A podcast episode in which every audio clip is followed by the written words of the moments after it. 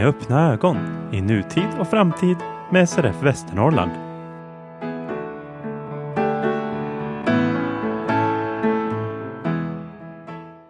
Hej och välkommen till juniavsnittet av Med öppna ögon, SRF Västernorrlands podcast. Jag som talar heter Kristoffer Tillin och i studion med mig idag har jag Peter Kärnberg. Hallå du, goddag, goddag. Det här är ju andra avsnittet som det blir bara du och jag som gör Peter. Kan du förklara varför det är så? Ja, det första avsnittet var det väl som så att Frida Kalander hade förhinder. Då minns jag inte vad det var frågan om, men säkert var det något möte som hon har som ordförande för Unga med synnedsättning. Den här gången så är hon ute på strövtåg och inte ens i Sverige utan faktiskt i Bryssel tillsammans med företrädare för European Blind Union bland annat, SRF-are och hon är också med naturligtvis som US-ordförande. Så hon kör ända in i kaklet för att det är ju faktiskt så att om en månad så kommer Frida att lämna ordförandeskapet för Unga med synnedsättning. Det kommer vi också återkomma till, vem som blir ny ordförande. Anledningen till att hon lämnar är att hon faller för åldersstrecket, hör och häpna. Den sista gången du kan väljas till ordförande i US är när du är 29, för du får inte bli över 31 under uppdraget. Det var en lång utvikning om varför Frida inte är med, men vi garanterar att hon kommer tillbaka. Hon kommer alltid tillbaka. Och det gör även vi, som ni hör. Ja, och i dagens avsnitt så ska vi prata med Malin Bjurestam från Synrehabiliteringen. Vi ska också besöka den dator och smartphonekurs som SRF Västernorrland organiserade på Härnösands folkhögskola. Och som avslutning så kommer vi ha ett personporträtt med Bengt Molander. Den 10 maj hade vi brukarrådsmöte på synrehabiliteringen och vi är alltså Synskadades riksförbund Västernorrland, några SRF-are, Elisabeth Bodén, Agneta Olofsson, undertecknad Peter Kärnberg och vår kanslist Fredrik Lundström var på plats. Vi hade också Sixten Levander med via Teams. Vi har ju de här mötena två gånger per år för att stämma av lite. Vad händer i SRF? Vad händer på synrehabiliteringen? Vad kan vi göra tillsammans? För vi har ju sagt det förr och vi säger det igen. SRF och synrehabiliteringen måste ju samverka. Vi är grenar på samma träd. Och grenarna måste kommunicera med varandra. Och det gör, gör vi också väldigt bra tycker jag. Det har varit lätt att eh, prata med Malin Bjurestam som ny chef, prata med de anställda. Det händer ju lite ska vi säga. Det slutar en kurator, Eva Karlsson. Det slutar en synpedagog, Katarina Sandin. Men eh, det kommer in nya personer också. I slutet av maj nu så började den nya kuratorn och i september kommer en ny synpedagogstjänst att tillsättas i Örnsköldsvik. Vi har haft brukarrådsmöte och eh, nu har jag dragit mig kvar tillsammans med Malin Bjurestam, chef vid synrehabiliteringen. Vi pratade om vad som har hänt vid synrehab sedan förra mötet och det tänkte vi också göra i den här podden. Malin, vill du berätta lite grann om vad, vad har hänt? För jag vet att det har hänt ganska mycket inom ert sätt att arbeta. Ja, men precis. I höstas när vi träffades så berättade jag att vi har gjort ett jobb med att ta hand om remisserna på ett annorlunda sätt. Och det är egentligen en helt eh, ny administrativ rutin som inte ni märker av, ni som är patienter. Eller brukarrådet för den delen. Eh, men nu har vi även eh, ett stort jobb framför oss där vi kliver in i arbetet med att eh, jobba fram en nationell vårdprocess för syn. Vad innebär den nationella vårdprocessen? Nationella vårdprocessen syftar till att erbjuda lika vård över Sverige oavsett vart man bor eh, som patient. Eh, och den ska säkerställa att vi hanterar patientflödet på, på likvärdigt sätt genom att kartlägga patientens behov, att upprätta vårdplaner, att utreda de behov som man har sagt man har som målområde och att ge insatser eh, på ett likvärdigt sätt i Sverige. Då. Hur märker man det här som patient i framtiden? Jag tänker att man kanske inte märker av det som stor skillnad mot för det idag. Eh, det kan handla om att, att har man varit patient hos synrehabilitering i Västernorrland ett bra tag så kanske man märker av att några rutiner är lite annorlunda men i huvudsak så är det samma, samma rutiner som tidigare. Har du känslan att det finns olika regler eller olika sätt att hantera kanske patienter och lite vad man har att erbjuda på synrehabiliteringarna runt om i landet? Ja, men det ser nog lite olika ut beroende på hur uppsättningen ser ut på syncentral eller synrehabilitering. Eh, det beror lite på vad man har för personal och kompetens och storleksmässigt, eh, geografi spelar också roll. Och här behöver man ju göra både regionala och kanske lokala anpassningar så att, så att eh, man kan tillgodose det behov patienterna har. Vilka anpassningar eller omstruktureringar tror du behövs här? Som vi pratade lite på brukarrådet så, så har vi infört att vi träffas i teamet en gång i veckan för att prata kring patientens vårdplan. Och det handlar om att vi internt ska synka oss och jobba tillsammans i ärendet för patienten. Hur ser remissflödet ut nu?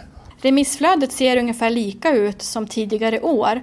Eh, de, det ligger ungefär på ett inflöde på 250 till 270 nya patienter årligen. Då. Visst har det ändrat sig nu så att det är inte bara läkarna, ögonläkarna som får skriva remisser? Nej men precis, nu kan ju även läkare, sköterskor och ortoptister skriva remiss till oss på synrehabiliteringen för att inte bli, stoppa upp flödet i onödan. Då. Vad är det mer som ni jobbar med just nu som, som du tror kommer att bära frukt längre fram? Ja, jag tänker att kanske eh, nationella vårdprocessens jobb med eh, grupperna här, att, att man stärks i rollen som synpedagog, optiker eller datapedagog, kurator, eh, så att man kan nätverka med andra i sin profession. Det är också så att en synpedagog i Örnsköldsvik har slutat och kuratorn vid synrehabiliteringen har sagt upp sig och fått annat jobb. Hur har det gått att besätta de här tjänsterna? Ja, men det har gått jättebra. Vi har en kurator på väg in som börjar nu 29 maj. Eh, så då behöver vi sätta upp ett inskolningsprogram och så att han, Fredrik här, är på plats och kan börja träffa patienter till hösten. Eh, synpedagogen i Övik har vi också tillsatt. Det blir en kvinna som eh, tar vid och hon börjar i slutet på augusti. Så nu är det fullt gäng på synrehabiliteringen igen? Jajamän, till hösten är vi fullt gäng. Vi pratade också lite om datapedagogen Mikael Sköld och hans arbete och där har det skett vissa förändringar i vad han faktiskt ska kunna hjälpa till med om jag förstått det rätt. BankID-frågan har varit på tapeten under hösten och här har vi tagit beslut i vår ledningsgrupp att vi på synrehabiliteringen inte ska vara inne i patienters BankID. Däremot att vi kan hjälpa till att träna i BankID-ärenden och då finns det en testmiljö man kan använda. Det finns en testsida där man kan testa, man får lära sig hur man kan hantera QR-koder och annat. Det kommer ni fortsätta göra? Ja, men precis. Det ser vi som en del i rehabiliteringen. Finns det andra saker som du tror kommer att renodlas med nationella vårdprocessen? Att det kanske försvinner fler saker som ni har gjort eller att det kommer till rent utav? Ja, men det kan det nog göra. I dagsläget vet jag inte hur det skulle kunna se ut eftersom vi är mitt i en utvecklingsfas. Eh, arbetsgrupperna pågår, materialet ska till syncheferna under hösten och sen blir det beslut i slutet på oktober. Och sen är det upp till varje region att, att eh, implementera det här. Det känns som att det inte det SRF har frågat efter i många år. Tydliga riktlinjer, planer, hur jobbar synrehabiliteringen, att det inte har funnits dokumenterat. Men vi är lite grann på väg ditåt i alla fall. Ja, men vi har jobbat en hel del med rutinbeskrivningar under senaste året och det är någonting som har efterfrågats i arbetsgruppen också. Vi pratar också under mötet om gruppverksamhet, det kan röra IT-frågor, det kan röra ADL, aktiviteter i dagliga livet eller punktskrift. Hur tänker ni runt att starta upp eventuell gruppverksamhet igen? Ja, men gruppverksamheten har ju varit lite pausad i och med covid-pandemin. Nu funderar vi lite på huruvida vi ska ha gruppverksamhet till hösten kring kanske IKT, eh, data, paddor, telefoner och hur det ska se ut, det vet vi inte än. Vi behöver ju också fundera ut på vilken nivå de här grupperna, eventuella grupperna ska liksom läggas upp då så att vi inte har en jättedatavan och en nybörjare på samma träff för då får man ju inte ut lika mycket då. Hur ser samverkan ut med ögon i övrigt? Vi har regelbunden samverkan med ögonmottagningarna. Jag träffar cheferna en gång i veckan. Sen har vi haft en stor träff här eh, efter jul. Eh, Ögon-Örnsköldsvik, Sollefteå och Härnösand, Sundsvall.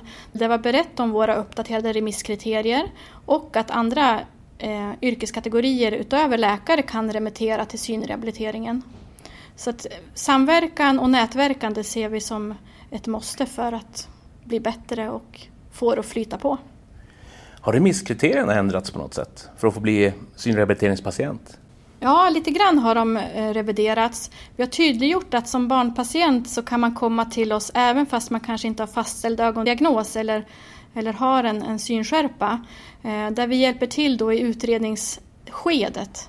Och då är det synpedagog som deltar tillsammans med ortoptist. Malin, du har varit enhetschef sedan den 1 mars 2022. Jag pratade med dig i juni när du var ganska ny och när det lät som att du hade en del tankar på vad som borde göras, kanske struktureras om.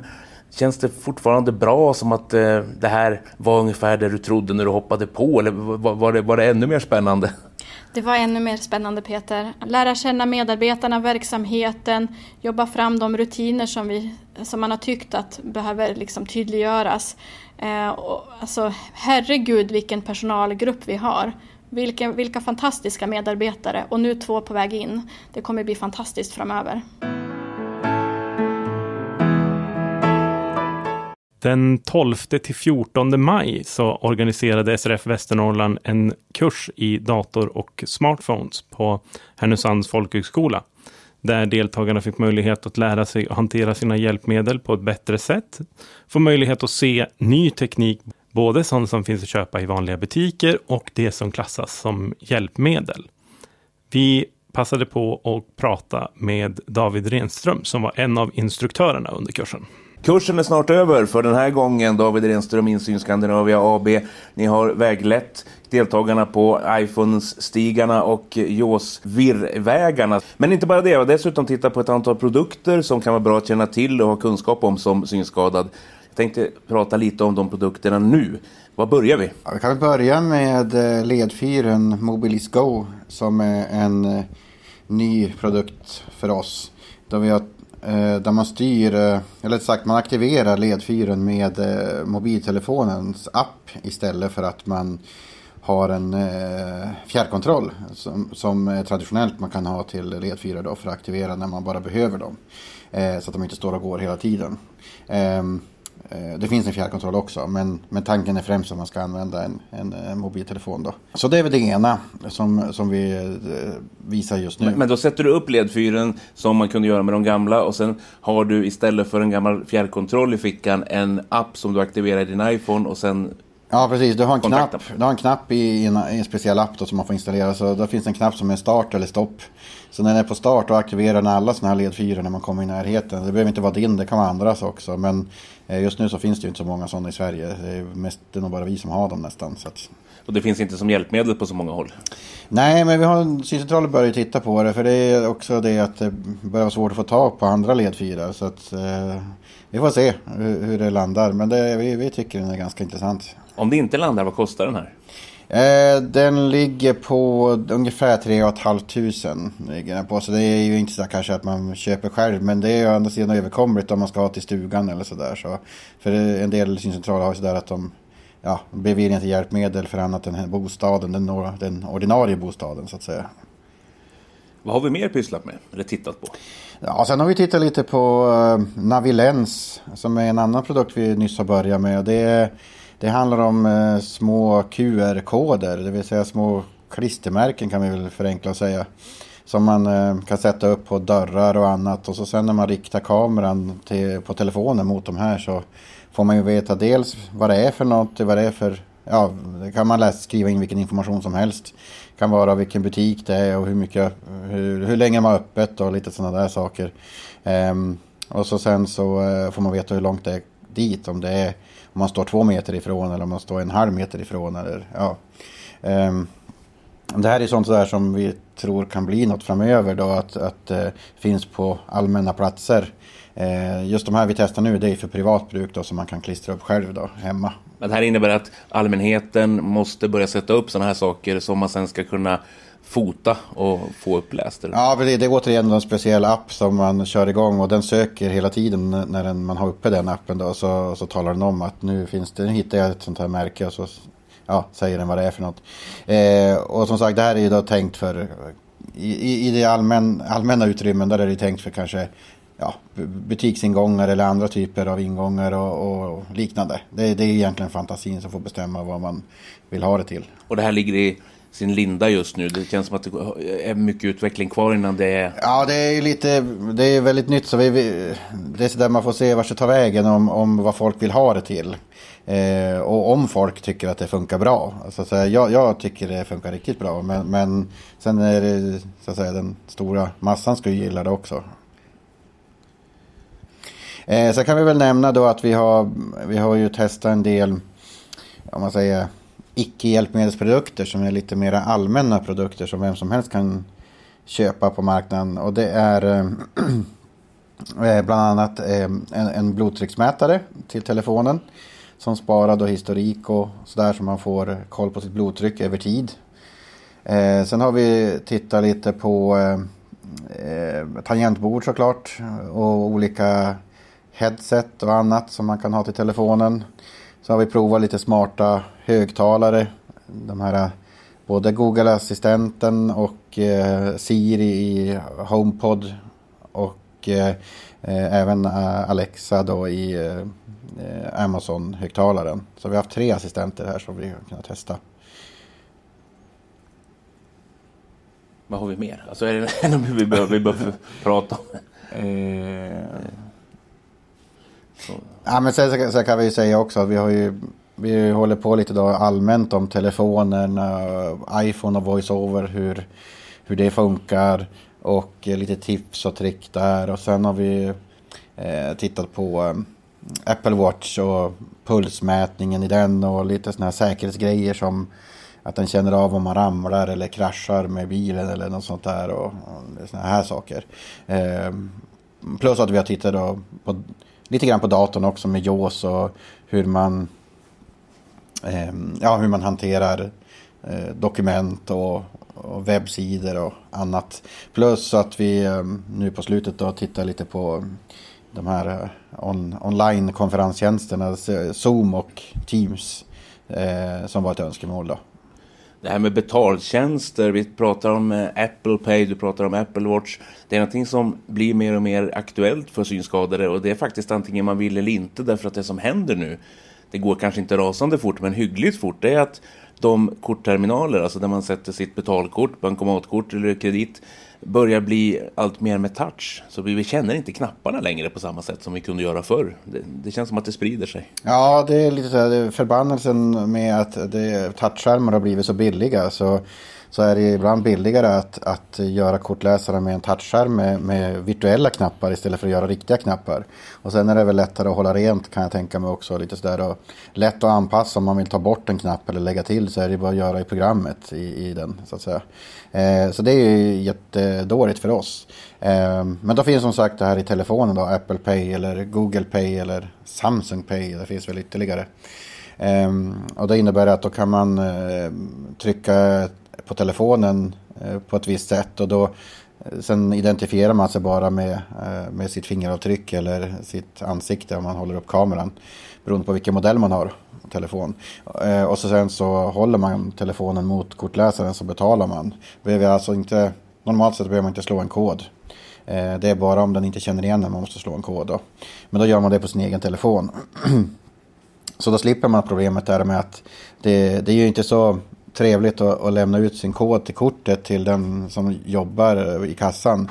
Ehm, och det är ju, ja, dessutom emot reglerna egentligen. Peter, du har ju varit med på de här kurserna ett antal gånger. Varför är det viktigt att vi fortsätter ha sådana här kurser? Det här är ju bara ett avstamp egentligen. Det kommer att bli viktigare och viktigare med teknik, säger jag. Och jag säger det inte för att jag är superentusiastisk. Jag förstår att det finns saker här som jag kan lära mig som blind och synsvag, eller som blind i mitt fall, som är väldigt bra. En sån sak som att man faktiskt kan titta på de protokoll som vi nu lägger upp digitalt och se vad som står där. Man behöver inte lita på att en person lägger fram ett papper och säger skriv under det här nu, så vet man inte vad det är för någonting man skriver på. Man lär sig hantera digitala mötesalternativ, Teams, Zoom etc. Överhuvudtaget så handlar det om många sådana här saker. Hur ska vi betala i framtiden när eh, kortterminalerna inte har några knappar? Det är massor av saker som trasslar till sig för synskadade.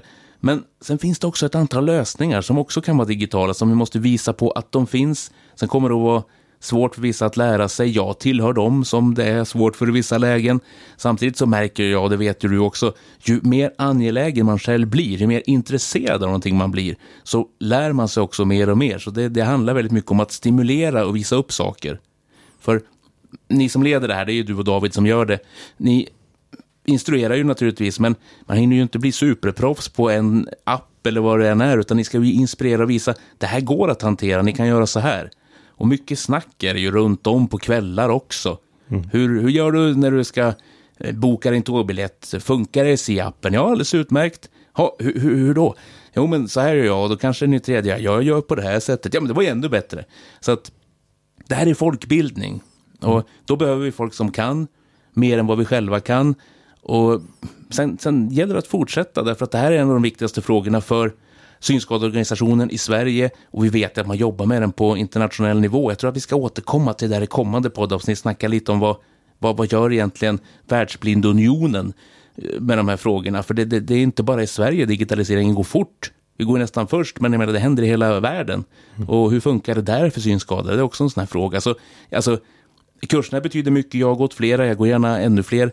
Till hösten kommer en till. Eh, och det kommer vi att pusha för även den här podden. Vi kommer att ha det här tror jag som ledstjärna i vårt arbete under de kommande åren så länge vi får vara med och styra i alla fall. Och Riksförbundet är också inne på det här. Vi ser runt om i Dalarna har man ett projekt Skåne har, där man också har insett att man måste stötta medlemmar. Det finns en grundutbildning som man kan få via synrehabiliteringen men kompletteringslärning och uppföljning är ju inte riktigt syncentralernas synrehabiliteringens grej heller, utan det är ju grundläggande hantering. Sen måste vi hjälpa varandra tror jag, och det är det vi gör i SRF Västernorrland när vi gör de här kurserna. Mm. Och sen är det som du säger väldigt mycket, visa vad som kan göras. Eh, sök upp personers intressen och visa hur du kan förenkla dem med hjälp av det. Så det finns någonting du vill göra, inte bara det här måstet som blir det, för det är så du väcker intresse och Eh, det är då man själv lär sig också, för det är precis som du säger, man hinner inte under den här kursen lära upp någon fullständigt. Man hinner kanske lösa några specifika problem de har, hjälpa dem med några specifika saker och så framförallt hoppas att väcka en, en, ett intresse och en liten förståelse för, jaha, men det här är faktiskt bra, det här fungerar faktiskt. Sen tycker jag till och med en sån som jag fattar att om jag har lärt mig en app hur den funkar och lärt mig navigera på något, då kan man liksom ana hur en del andra saker också funkar. För att knapparna ligger ganska lika. Vad säger VoiceOver, det talprogram mm. som finns? Ja, men har man gjort det ett antal gånger, då lär man känna, ja, okej, okay, den här appen, den här hemsidan har jag inte varit inne på, men jag kan tro att man ska göra ungefär så här. Ja, absolut. Idag ska vi möta Bengt Molander. För vissa är han känd som politiker, för andra är han känd som lärare. För ytterligare en annan grupp är han känd som SRF-are eller som aktiv i Medelpads stiftelse. Eller som hemmafixare, som hantverkare eller som eh, klok, insiktsfull källa i många livsfrågor. Bengt, jag vet att du är född 14 september 1945, men var? Jag är född i, jag var på BB i Sollefteå, men jag är barndomsboende då i Näsåker. Just det, Näsåker, då tänker jag på Urkultsfestivalen i alla fall. Ja, på den tiden var det ju stora midsommarfestligheter ända fram till jag var väl i 20-årsåldern eller något sånt där. Hur var det att växa upp där från 1945, det här året där faktiskt andra världskriget tar slut och eh, med eh, ja, den, den också landsbygdsaura som jag tänker att det var. Ja, men det var väldigt lugnt och stillsamt och man hade, jag bodde ju i ett stort hus och eh, mormor som bodde på samma fastighet, det, var en stor gård och det var ett lantbruk mitt i byn alltså, så att det var lugna gatan. Och du föddes fullt seende. När debuterade din synnedsättning? Den debuterade när jag föddes, för att okay. eh, jag föddes med medfödd glaukom, vilket medförde att högra ögat var trasigt, det var söndersprängt. Och det vänstra ögat hade jag 30 procent syn ungefär. Det var inga problem att växa upp där. Det var aldrig något snack om att ja, men Bengt ska vi skicka iväg till Tomteboda eller något sånt där. Ja, det snacket fanns inte utan det var ju att eh, jag såg dåligt att eh, man liksom eh, pratade då jag började skolan lite om att jag, ja, att jag såg dåligt och så men det var inget annat. Hur fungerade det att gå i skolan där med lärare och förståelse och sådana saker? Ja, men det var bra. Det var inga, det fungerade jättebra och jag, gav mig ju aldrig ut för att se dåligt heller, utan, men det, jag gjorde ju de facto det, men jag brydde mig inte.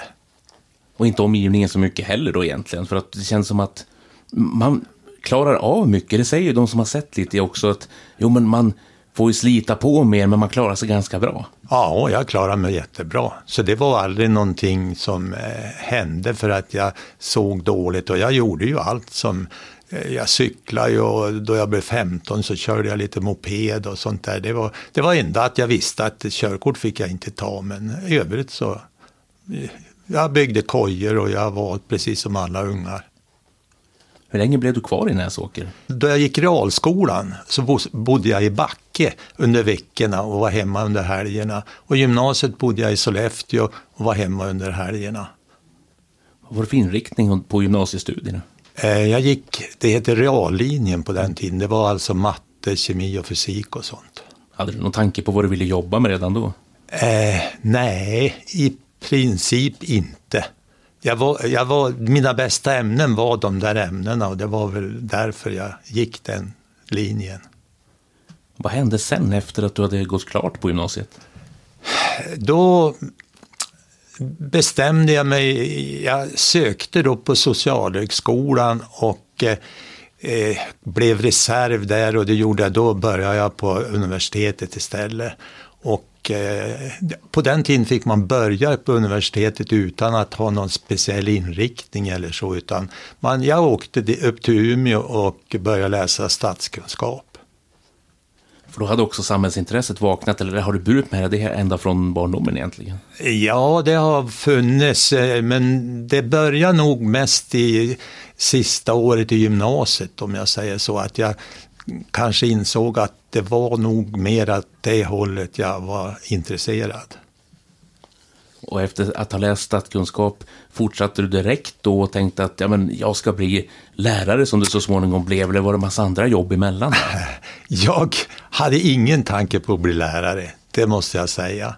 Utan jag läste ämne för ämne och eh, ja, jag läste statistik och statskunskap och psykologi och sociologi och eh, jag läste mycket spritt. Och sen plötsligt Eh, så läste jag någonstans att jag skulle faktiskt kunna bli lärare, för det, det fanns ämnen. Jag hade inte en tanke på att jag skulle kunna bli lärare, men det fanns ett ämne då på gymnasiet som hette socialkunskap.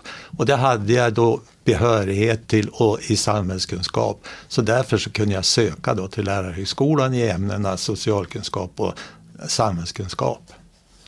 Hade det fungerat bra att studera så pass långt? För jag tänkte, även om du säger 30 procent, det måste ändå, tänker jag, inverka så att du får lägga ner mer energi än de flesta andra elever. Var det att det var svårt att se liten text? Eller hur, hur visade sig den här synnedsättningen under studiegången? Ja, den, alltså jag såg ju men det bygger mycket på diskussioner och sånt där, så jag behövde inte se någon tavla eller något sånt där. Så det, det, för det, det gjorde jag ju inte. Eh, jag gick i gymnasiet så kunde jag sitta på första bänk så kunde jag kanske se det de skrev på tavlan men det var väldigt dåligt och det tog tid och sådär. Så att det, det fick man strunta i. Men eh, ja, det, det fungerar alltså. Och, och, och ja. Hur läste du böcker på den här tiden? Det kan jag tänka mig var lite trassligt. Ja, men det, det gick bra. Alltså jag läste böcker som vanligt så att säga. Det tog ju längre tid i och för sig, men det gick bra. Jag lånade någon enstaka bok, om det var tjocka böcker, från eh, S, eh, det, SRF i Stockholm, från biblioteket. Och, och eh, ja, så det var väl en, ja, tre, fyra böcker sammanlagt alltså under studietiden som jag lånade. Ja, för jag tänker det här också alldeles i början av talbokseran, innan det faktiskt fanns så speciellt många titlar, innan så många synskadade var ute på studiemarknaden. Också. Ja, det var, det var faktiskt nog så ja. Och eh, jag såg, det, jag såg lite komplicerat för jag såg dubbelt. Jag hade opererat med eh, redan i, i gymnasiet. Så jag fick dubbelseende och det var lite komplicerat. Jag fick skugga med fingrarna då jag skulle läsa exempelvis. Alltså göra som ett veck med fingrarna och, och hålla för ögat lite grann sådär. Och sen då opererade de med Umeå då, och då blev det betydligt bättre. Då försvann det där dubbelseendet. Så då, då funkar det rätt bra. Och du gjorde också studierna sen på lärarhögskolan. Är, är det Stockholm vi pratar om eller vart, vart kunde du utbilda dig till? Nej, det var det enda stället som hade de ämnen jag skulle uh, vilja ha då, det var i Malmö. Så då flyttade vi till Malmö. Då hade jag dessutom träffat min fru och vi flyttade till Malmö och gifte oss i, innan vi flyttade dit. Träffas ni på universitetet då? Vi träffas på universitetet, ja. Vilka ämnen var det du ville läsa till, eller som du ville studera? Var, det var alltså ämnena socialkunskap och samhällskunskap jag läste då, hade läst och var behörig i. Och sen då kompletterade jag efteråt så jag blev behörig i historia och psykologi dessutom. Så att det, det, då jag hade jobbat ett tag så var jag fullt med, jag hade väldigt bred utbildning om man säger. Var hade du ditt första lärarjobb någonstans? Det fick jag i Borlänge. Och eh, det var då en tjänst på gymnasiet som jag fick där. Men den, den varade en, ett läsår för då kom eh, den som jag vickade för tillbaka. Och om jag då ville vara kvar i Borlänge då fick jag jobb på högstadiet och då började jag jobba på högstadiet och jobbade där i åtta år på högstadiet och trivdes jättebra. Och då gick du in och hade fortfarande, eh, jag säger hyfsad syn, det var det ju inte, men, men den, den, lilla syn du hade kvar då. Men, men sen har du tappat den längs vägens gång. Ja. Jag tänkte komma in på hur det gick till och lite grann också kring hur, och du tycker det har påverkat jobbet som lärare som sådant. Men ska vi ta först, hur, hur kom det sig att du tappade synen? För idag är du ju helt blind. Ja, Eh, det gjorde jag eh, när jag höll på hemma och snickra i källaren och lägga eh, panel på väggarna och så blev det en spik som var sned uppe vid tak, taket som jag tyckte jag skulle dra bort även om jag skulle täcka det med en list. Och så slant hovtången och for mot, eh, jag for med händerna mot mina glasögon och glaset i glasögonen lossnade och skar upp ögat och så var den dagen förstörd så att säga. Då opereras jag i Örebro, de forslade mig dit och fick tillbaka lite syn alltså. Men eh, det var väldigt lite och det varade i tre, fyra år och sen blev det svart. Så det var vi på mitten på 90-talet. Det är så pass långt fram alltså? Ja. Det var en ren olyckshändelse egentligen då? Det hade, ja. hade ingenting med grundsynskadan att göra? Nej, det var, det var helt att det var otur. Oflyt att det var det i ögat också ja, kan man ju säga. precis. Blev det några förändringar när det här skedde? Jag tänker i lärarkallet eller på, på andra plan. Jag, jag, jag, förstår att det hände mycket inom en och så vidare. Men... Nej men alltså jag, jag, ja, jag pratade med skolledningen om att eh, nu såg jag ingenting och jag pratade med hela skolans lärarkår och, och sa som det var att, eh, ja, och att det var väl inte värre med det än att jag fortsatte. Och eh, det funkar jättebra. Och då är det eh, Timrå som vi är i nu alltså? Nu är vi i Timrå, mm. ja. Hur fungerar det sen att undervisa eh, e-, elever, tänker jag? Just jag tänker, eh, som, som seendelärare kan jag tänka mig att jag tänker, ja men hur ska han kunna ha koll på klassen? Hur ska han kunna ha koll på, på fusk? Hur ska han kunna rätta prov och sådana här saker som jag, jag, kan tänka mig att många seende funderar över? Ja, ja, rätta prov det fick jag ju ha min fru som läste mm proven för mig. Och eh, fuska i klassrummet, det, ja, det, jag pratade med eleverna och sa det att det, jag kan ju inte se nu men jag tror på er att ni säger till och ser till att ingen fuskar för det är ju bara de som fuskar som förlorar på det och det, det är ju ingenting att hålla på med och snacka om utan nu, nu är det så här. Och jag tror förbaske mig inte att det var någon som fuskade. Det var någon som kom och sa någon gång att någon hade fuskat. Eh, det var vid ett tillfälle tror jag. Och då pratade jag med den eleven efteråt och ja, han erkände ju att det hade fuskats men det var allt som sagt. Man märker ju om det är elever som gör resultat som man inte förväntar sig att det, det, det sker och det tyckte jag inte det var så att det, det stämde rätt bra. Du känner inte heller att någon har utnyttjat din eh, blindhet som du ju blev till slut just med, med stök i, i klassrum eller att du, att du själv har känt att nej, men jag, jag, tycker inte att jag har grepp om den här lektionen eller så? Nej, det tycker jag inte. Jag tycker det, det funkar jättebra alltså. Det var, de är ju halvvuxna, mm. de elever man har på gymnasiet. Och, och det var ju som, som någon sa, liksom, där jag skulle ju anteckna vilka som var frånvarande och sånt där. Men hur fan kan du se om vi är här eller inte? Så, ja men så, det hörs ju, ni hörs ju, vad fasen, jag känner ju igen rösterna på er. Och, och det gjorde man ju, så att det, det var inget problem.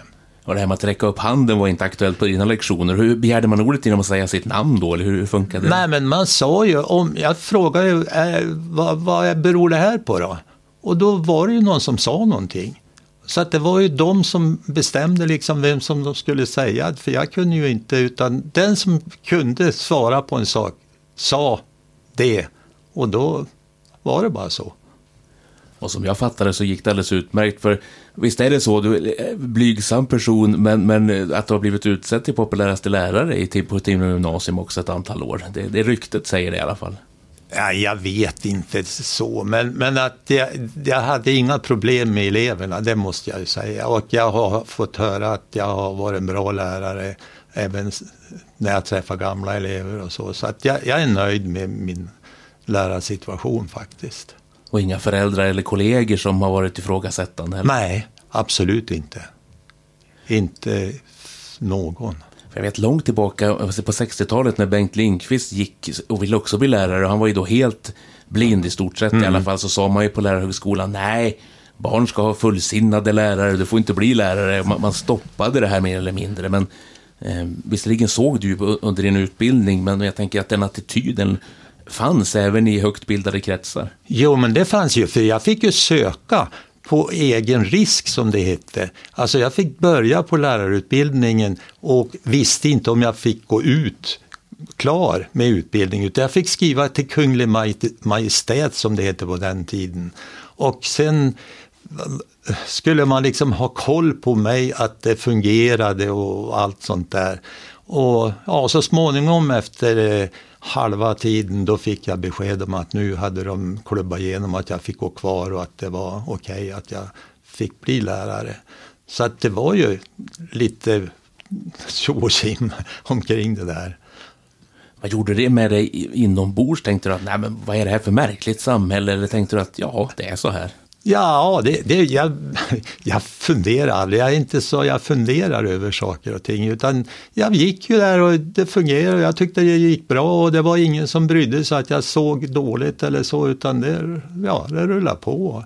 Och eh, ja, det, det, det var ju överhögheten som tyckte det var fel att jag skulle gå, jag på säga. För det var ju eh, som en, en, en läkare från Socialstyrelsen då som skulle liksom ha kontroll på att jag skötte min utbildning då. Hon ringde och då jag, jag gjorde min provtermin då i Helsingborg och så åkte jag dit eh, med tåg då varje dag. Vi bodde ju i Malmö. Och så frågade hon då min fru då hon ringde, för det var hon som svarade, hur tar han sig till järnvägsstation då? Ja, han cyklar, säger hon.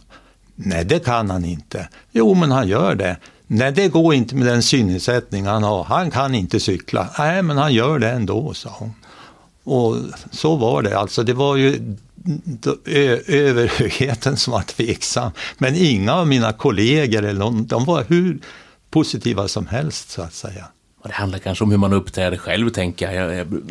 man hoppas åtminstone att det är så. Att en del som kan vara skeptiska i början ändrar sig också när man träffas, tänker jag. Ja, Jo, men det, det, det var, och, och, jag tror ju att det har förändrats till det mycket bättre idag, alltså att folk, eh, ja, finns överallt så att säga med olika handikapp eller vad det kan vara som gör liksom, man skiljer sig inte från mängden utan man sköter sitt.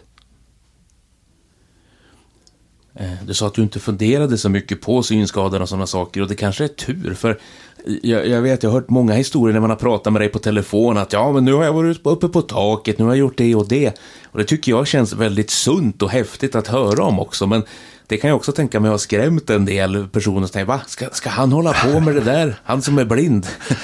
Jo, det är, det är väl grannar som man undrar lite grann och kom och, och säger, som då jag höll på uppe på taket där och kravla omkring där och, och måla fläktrumman och lite skorsten och lite sånt där. Och då sa jag bara åt de kom och sa, ska du vara där? Ja, så jag, den är den enda på gatan som inte får höjdskräck när jag är på taket i alla fall. Det finns ingen svindel. Nej. Men har du något annat som du tänkte, ja men det där var extra roligt att kunna göra? Och liksom lite grann, ja, det här gick trots att man inte ser. Jag överhuvudtaget funderar inte över just det här med att jag inte ser. Det, det är liksom bara en del av mig. Det, det är ju bara så. så att, eh, och jag tycker jag ska ju fixa det mesta. Det, ja, det, det, ibland liksom att ta sig från punkt A till punkt B som kan vara besvärligt. Men det, det är ju också lustigt, alltså då, då vi gick från jobbet så gick vi i, skolan då hem så hade jag en kollega som bodde på ungefär samma område som jag. Så skulle vi gå genom en skog då, för det, det var ju närmaste vägen om man säger så. Och på vintern då gick man ju en liten stig där och då, då vi slutade fyra, då var det mörkt om det var i januari. Då sa han alltid så här, nu får du gå först för jag ser per banne ingenting, säger han. Och, och det, det, var ju liksom så man klarade sig ju. Ja, jag tror det hänger mycket på vilka anhöriga man har också. Det känns som att du har haft en eh, fru som, som heller inte kanske har skämt bort dig allt för mycket. Nej, samtidigt så har hon ju liksom ställt upp till 100 procent och så. Men, men alltså det, det har aldrig, jag, varken då jag var liten eller liksom har mina föräldrar liksom sagt du får inte göra för nu ser inte utan jag har ju själv sett vad jag kan göra om man säger så.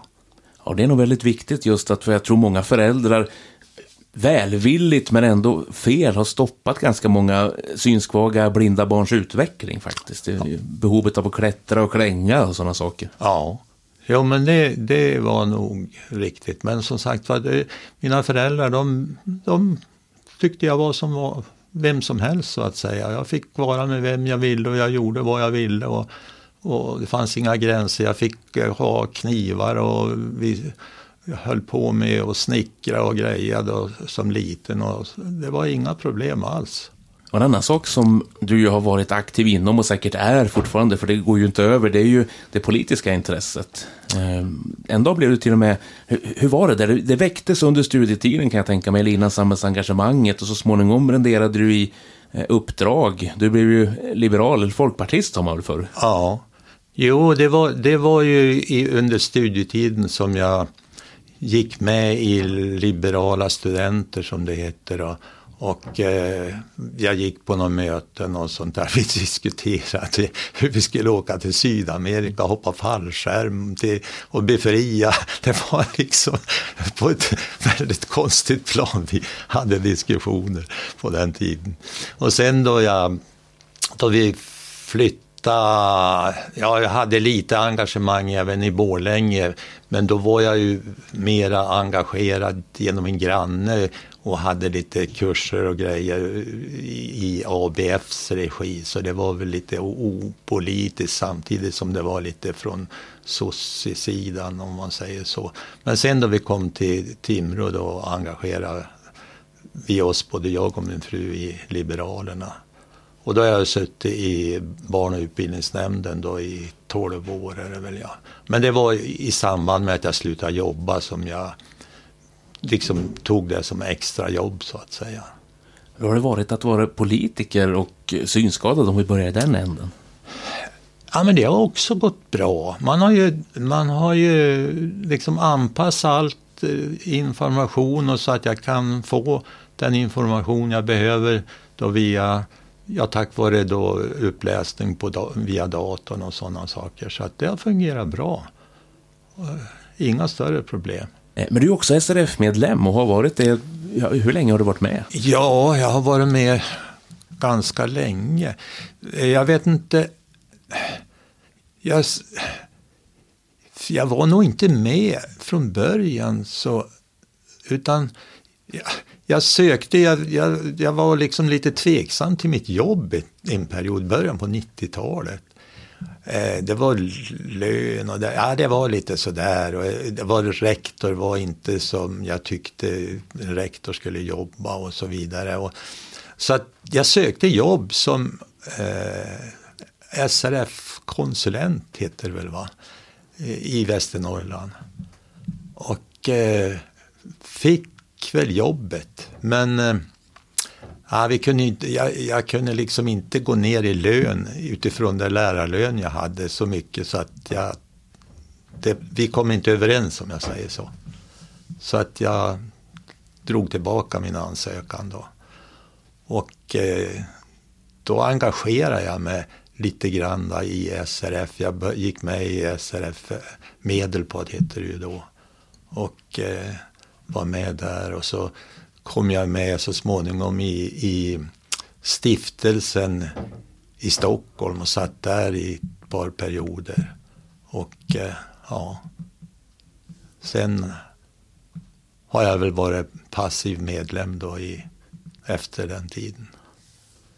Men en del poster har du haft, dels som du säger i Medelpad också i Medelpads stiftelse under många, många år som ordförande. Eh, ja. Och ledamot också efter ordförandeskapet lämnade du väl så sent som i fjol. Så ja. det har varit under många år.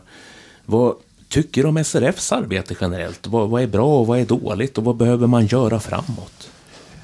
Ja, jag tycker ju att SRF fyller en viktig funktion. Och eh, det man ska göra är väl att man ska fortsätta, man ska ju jobba för eh, saker och ting, typ det här med utrop på bussar och så vidare. Alltså det är ju inte klokt att man ska behöva hålla på med sånt så länge som man gör.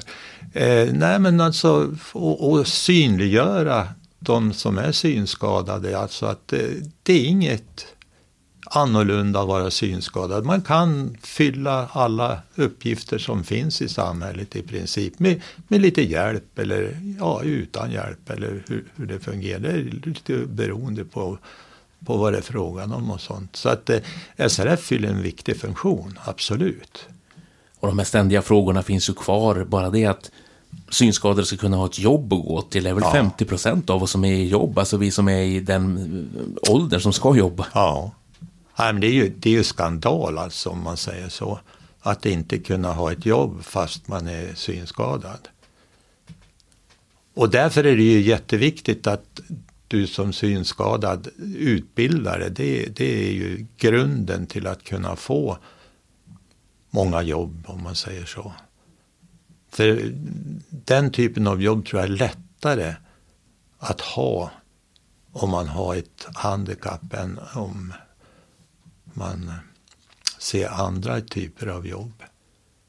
Ja, det är mycket kroppsarbete som kan vara knepigt ja, tror jag. det är väl så. Annars, vi har ju också en digitalisering som pågår. Hur funkar det för dig, tycker du, som synskadad att, att förhålla dig till den? Och känner du att det här, det här kan jag klara av ändå? Eller hur, vad, vad känner du där? Ja, det är ju... Alltså, det är ju tack vare digitaliseringen som man kan klara mycket saker idag. Medan datorn är ju väldigt viktig och att kunna läsa och ha en, en, en eh, uppläsning på, på det och så vidare. Och att kunna skanna det text som kommer och sådana saker. Så att det, det fyller ju en väldigt viktig funktion. Sen är det väl många saker som eh, jag menar som typ det här med telefon nu som Förut har jag bara haft en vanlig knapptelefon men nu har jag ju en iPhone och den behärskar jag inte till hundra procent men den fyller en viktig funktion i alla fall för mig trots allt. Och där borde väl SRF komma in också, att kunna ge utbildning. Vi försöker ju det i alla fall ja, så gott det går. Ja. På, påbyggnadskurser. Ja, då, det har varit. Så att det är bra. När vi pratade skola förut så glömde jag faktiskt fråga om vad du tycker om utvecklingen, vissa kallade avvecklingen av svenska skolväsendet.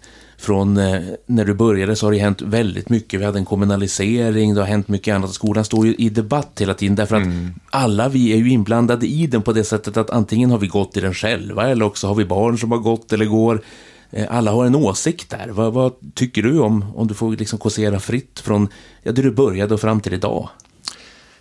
Ja, alltså kommunaliseringen, det tycker jag ju inte om, men det är ju flera skäl till det i och för sig. Men alltså, skolan, ja, det är ju mycket man har som, som man har åsikter om, om man säger så. Du får spela ut dem fritt precis som du vill här. det, är intressant att höra både... Ja, men, Betygssystem ja. har jag ju inget som jag tycker är bra med det betygssystem vi har där liksom att den sämsta grejen jag gör ska vara vägledande för det betyg jag ska ha. Det måste ju vara en helhet för att sätta betyg för elever. Det är ju inte om jag inte klarar en sak så då får jag lägre betyg eller lägsta betyg. Alltså det är inte klokt. Nu har de väl ruffat på det där lite grann men, men alltså det är bedrövligt. Har det funnits något betygssystem som har varit okej? Okay?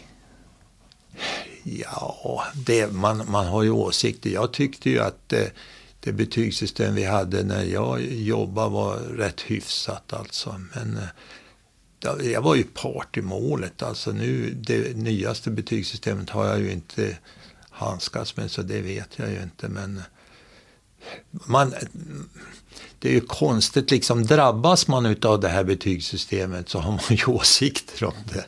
Men eh, sitter jag där och får liksom sätta betyg, då tycker jag oftast att det är hyfsat om jag säger så. Och det är klart, det, det är väl så. Jag tänker också, det är ju ett, säger man det som verktyg eh, som man ska kunna använda som lärare, men de kan ju vara antingen bra eller ganska trubbiga. Det, det är sådana saker jag funderar på också, vad som vad, om, om man får de förutsättningar som man behöver för att kunna göra ett schysst jobb också som lärare. Alltså, går det att säga så att ja, men det här och det här var ändå bättre för eller det här har faktiskt blivit bättre? Ja, det finns ju, finns ju, det går ju att ha åsikter så och så, men det man måste ha klart för sig det är ju att betygen säger ju inte allt, men det är klart när du söker på utbildningar då har det ju väldigt stor betydelse. Men då finns det ju tack och lov på många ställen så att på vissa utbildningar att du får pröva in för att komma in om ditt betyg inte räcker till eller inte är bra eller så. Så att det är ju en fördel. Eh, men sen hur det riktigt fungerar idag, det är jag nog för lite insatt för att ha så stora åsikter om som jag kan stå för ordentligt. Ändrade sig ungdomarna som du träffade på under årens lopp då, om du jämför med när du började fram till när du slutade på 2000-talet? Slentrianmässigt brukar de äldre säga att ja, på min tid var det ordning, men, men en del andra lärare har sagt också att det är nog bättre stil på ungarna idag.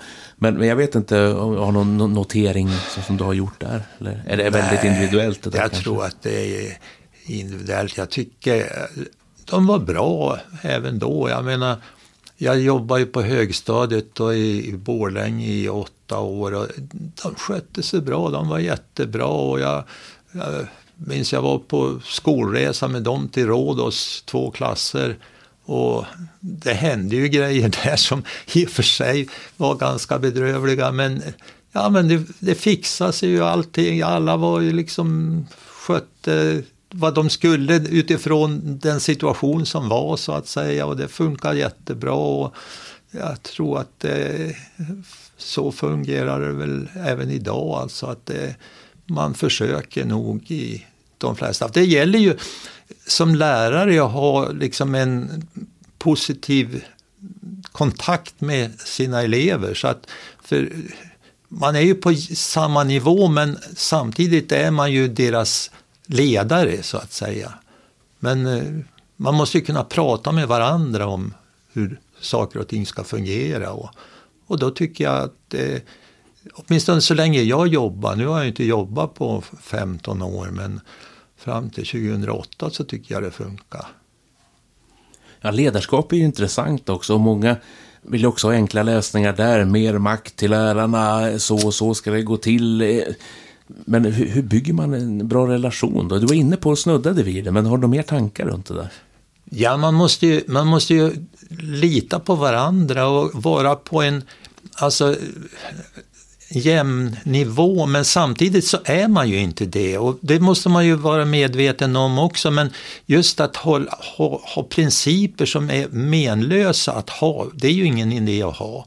Utan man ska ju ha regler där alla ska rätta sig efter, även jag som lärare ska ju rätta mig efter de här reglerna och eleverna likadant. Men sen måste man ju inse att ja, i vissa situationer så är det bra om eleverna gör saker som de tycker är rätt, för det är ur deras synpunkt rätt. Det, och ur min synpunkt så är det inte fel, men jag kan ju tycka att det kanske skulle vara lite bättre om de gjorde så, men man måste väl få testa och få fram, om det inte är alldeles åt pipan.